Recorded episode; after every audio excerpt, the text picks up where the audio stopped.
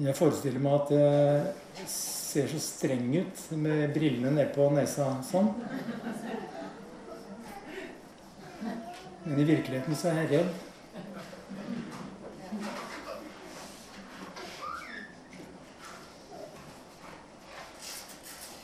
Det er et sitat fra Jesajas 65, det åttende vers.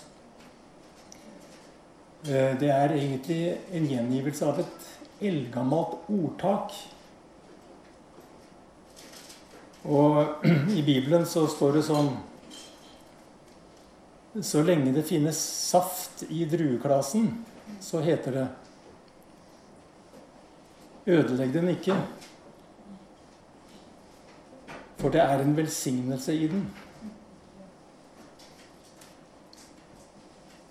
Dere vet, det er eh, en, en, kjent bildebruk i Bibelen.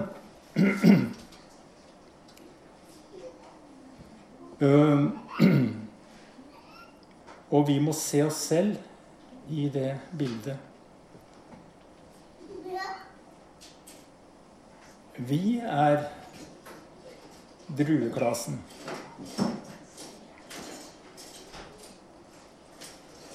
Og I eh, Jesaja 65 så kan det se ut som om noen syns at denne drueklassen ikke ser så veldig bra ut.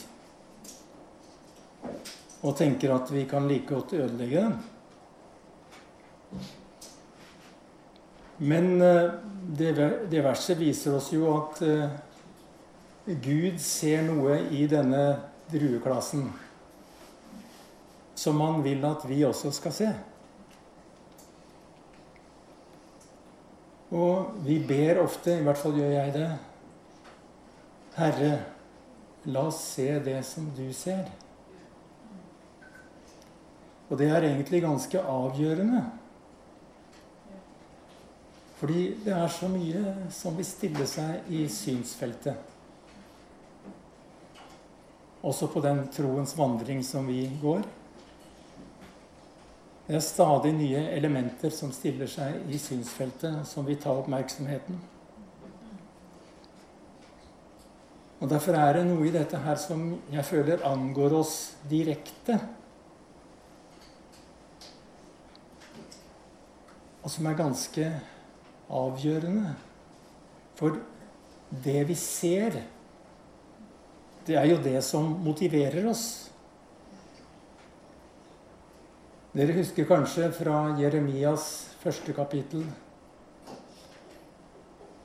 at Gud sier til Jeremia Jeremia, hva ser du? Og da Jeremia sa hva han så, så svarte Gud Du så rett. For jeg vil våke over mitt ord til det bærer frukt. Og jeg skulle ønske at uh, når vi bekjenner hva vi ser, at Gud også ville kunne si til oss Dere ser rett, og jeg skal våke over mitt ord til vi ser at det bærer frukt. Og når det gjelder det vi ser så er det ikke så viktig hvor du står. Det viktige er ikke om, om det synspunktet du står ifra, er nede i en dal eller oppå en høyde. Det er ikke det viktige. For det viktige er hva vi ser med vårt åndelige blikk. Og vårt åndelige blikk kan være klart selv om vi er på høyden eller i dalen. Og her vi står i dag, eller rettere sagt her vi sitter i ettermiddag, så er det ikke så viktig om vi føler oss på høyden eller nede i en dal.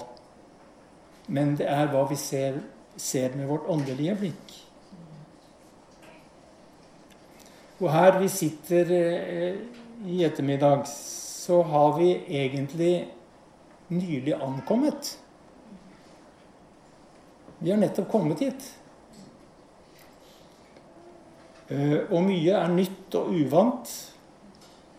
Kanskje er vi litt famlende. Her vi sitter eller står i dag, er vi også sårbare, utsatt. Og det tar litt tid til å finne seg til rette i nye steder. Det er på den ene siden. Men på den andre siden så er det sant som det ordet vi leste, sier. At det finnes fremdeles saft i druene. Og vi skal være litt varsomme med dem og ha respekt for dem, så vi ikke ødelegger dem. Fordi Bibelen sier at det bor en velsignelse i dem. Amplified Bible jeg siterer det, eller uttrykker det ordet her litt annerledes. Det står Om den nye vinen som finnes i drueklassen, sier man, ikke ødelegg den. For det er en velsignelse og en framgang i den. Poenget er vi skal vokte oss for å undervurdere den saft og den kraft som fins i drueklassen. Og Bibelen bruker vin Bl.a. som et bilde på kjærligheten i Høysangen 8. Og som et bilde på Guds nåde i Jesaja 55. Og på den messianske frelsestiden i Jesaja 25.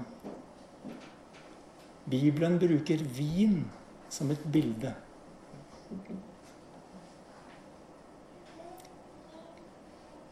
Det er en velsignelse som menigheten bærer på. Og ordet viser oss at vi bærer det kollektivt. Sammen. Ikke hver for oss, men sammen. Og jeg tolker det sånn at sammen bærer vi på en velsignelse på vegne av Jesus. På vegne av navnet Jesus bærer menigheten på en velsignelse. Og Derfor er det sånn at vi må ta eierskap til velsignelsen. Drueklasen er et bilde på menigheten. Å være kirke er å bære eller inneholde en velsignelse som ikke må ødelegges. Og Bibelen sier Han som i Kristus har velsignet oss med all åndens velsignelse i himmelen. Det er saften i drueklassen. Han har velsignet oss med all åndens velsignelse i himmelen. Det er saft i drueklassen.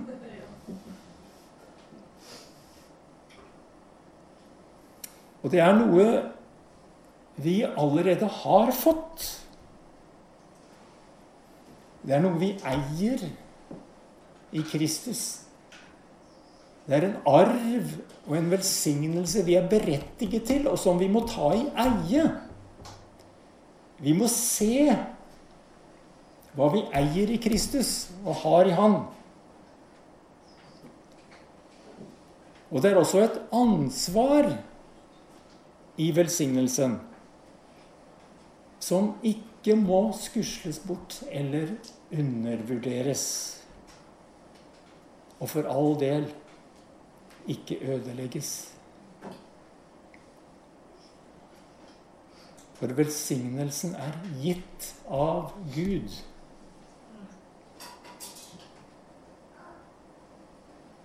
Og det er viktig å se sånn som Gud ser. Gud ser, og han sier, 'Jeg vet om de trengsler du må lide.' 'Jeg vet hvor fattig du er, men du er rik.' Gud ser en rikdom i fattigdommen. Og apostelen Paulus han var ganske selvbevisst han, på vegne av Kristus når han skriver til romerne Når jeg kommer til dere, så kommer jeg med en rikdom av Kristi velsignelse. Han så sånn som Gud ser. Og det var der han fikk sin selvbevissthet fra. Vi trenger også å tilegne oss noe av den selvbevisstheten. I all vår skrøpelighet og sjølfordømmelse og nedsnakking av oss sjøl. Så vi har sånne tilbøyeligheter til de aller fleste av oss, i hvert fall.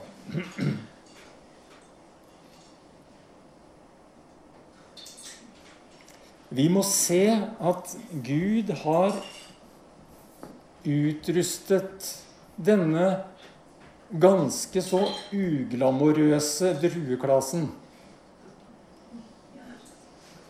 med en rikdom av velsignelse. Det finnes saft i drueklassen. For det er en velsignelse i den. Det er dette Gud vil vise oss. Han vil åpne våre øyne for den velsignelsen som vi kanskje ikke fullt ut har sett, men som Gud vil at vi skal se, og som vi behøver for å kunne være i hvert fall tilnærmelsesrikt eh, likt, eh, like frimodig som Paulus da. Jeg vet at når jeg kommer til dere, så kommer jeg med en rikdom av Kristi velsignelse. Men hva betyr det? Å bære på en velsignelse.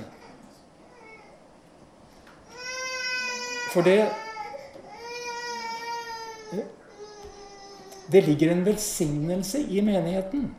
Men, men hva betyr det? Det første jeg må si, er at å velsigne det krever ingen skills. Velsignelse, det er enklere og mer mangfoldig enn det vi tror. Det hender av og til at Fred har lest en velsignelse som han har skrevet opp, og vi har fått del i den mange ganger, faktisk. Veldig fint. Eh, men det er velsignelse da i form av ord. Mens eh, velsignelse, sånn som det er forstått i Bibelen, det er mye mer mangfoldig. Å velsigne, det er å utføre Eller kan være å utføre handlinger Å velsigne, det kan være å gjøre det som er godt. Å velsigne, det kan rett og slett være det, det, å gjøre det som er til hjelp for andre. Vi trenger å konkretisere velsignelsen som vi bærer på. Velsignelsen som Gud har satt i menigheten. Vi må konkretisere den. Um, velsignelse, det kan være å, å, hjelpe andre til å lykkes på en eller annen måte. Og dypest sett så betyr velsignelse Det betyr å overføre en rikdom. Det er hva ordet betyr. Å velsigne er å øse av en glede. Det er å øse av en gave som jeg har fått. Det er å gi videre noe som kan bli til styrke og livskraft for andre. Å velsigne kan være å gi en utstrakt hånd. Å velsigne kan være så enkelt altså, som å vise velvilje, åpenhet. Velsignelse kan være å lytte når noen har noe på hjertet. Velsignelsen som Gud har lagt ned i drueklasen, den omfatter alle menneskelige forhold. Både åndelige og materielle, både praktisk og menneskelig.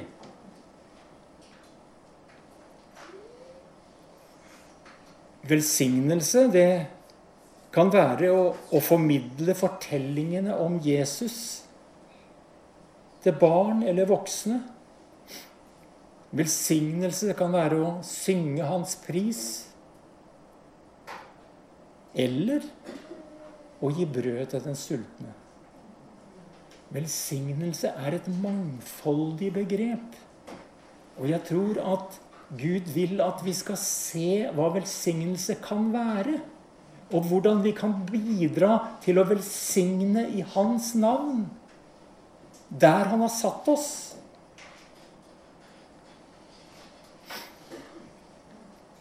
Velsignelse kan naturligvis være å formidle en åndelig nådegave eller en kraft. Det kan være å be for syke eller å ta seg av den syke. Og velsignelse kan være bare å uttale et ønske om Guds favør. Guds velsignelse er grenseløs.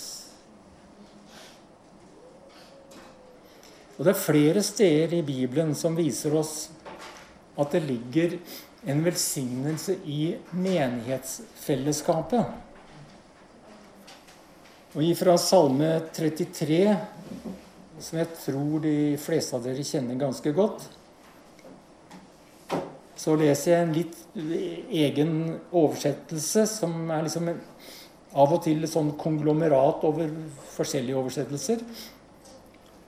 Og da lyder det på denne måten hvor godt og vakkert det er når brødre og søstre står sammen. Det er som kostbar olje som renner over Arons hode og skjegg. Det er som duggen på Hermon. Det er som livgivende regn på Sions høyder. Ja, sier Bibelen, det er der Gud har satt velsignelsen. Så Gud har satt fra seg velsignelsen et bestemt sted. Det er i fellesskapet. Det er i menigheten. Der har han satt velsignelsen, og der vil han la den stå. Og der vil han at menigheten skal ta den i bruk.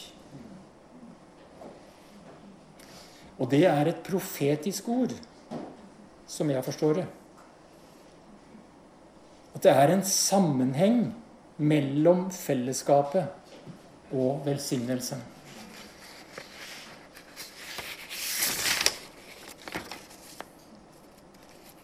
Gud har satt sin velsignelse i menigheten. Og han vil at vi skal øse av den. For den velsignelsen som Gud har satt i sin menighet, den er en sareptas krukke. Og den fungerer sånn at jo mer du øser, eller mer du heller ut, jo mer får du. Så derfor er vi velsignet for å velsigne. Og jo mer vi velsigner, jo mer velsigna blir vi. Og årsaken til det er at den kilden vi øser av når vi velsigner i Jesu navn, på hvilken som helst måte. Den kilden er så dyp at den er uten bunn. Det er en bunnløs kilde. En evig kilde. Av og til så synger vi en, det sangen om at du har ført meg du har ført meg til vinhuset. Jeg liker den sangen. Jeg syns det er en fin tekst.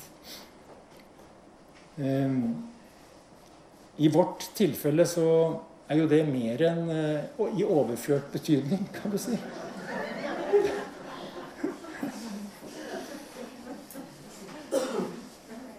Det er i Høysangen 2,4. Inn i vinhuset har du ført meg. Og ut fra vinhuset vil han at vi skal bringe velsignelse. Um, og her fra vinhuset, her velsigner vi med mer enn du kan drømme om. Her deler vi ut de største og beste velsignelser. Med fete, margfulle retter og gammel, klaret vin. Det er noe, det. Det er noe, det. Og så lenge det fins saft i drueklassen, så heter det Ødelegg den ikke. For den er en velsignelse. Den har en velsignelse. Og den er satt til å velsigne i Jesu navn.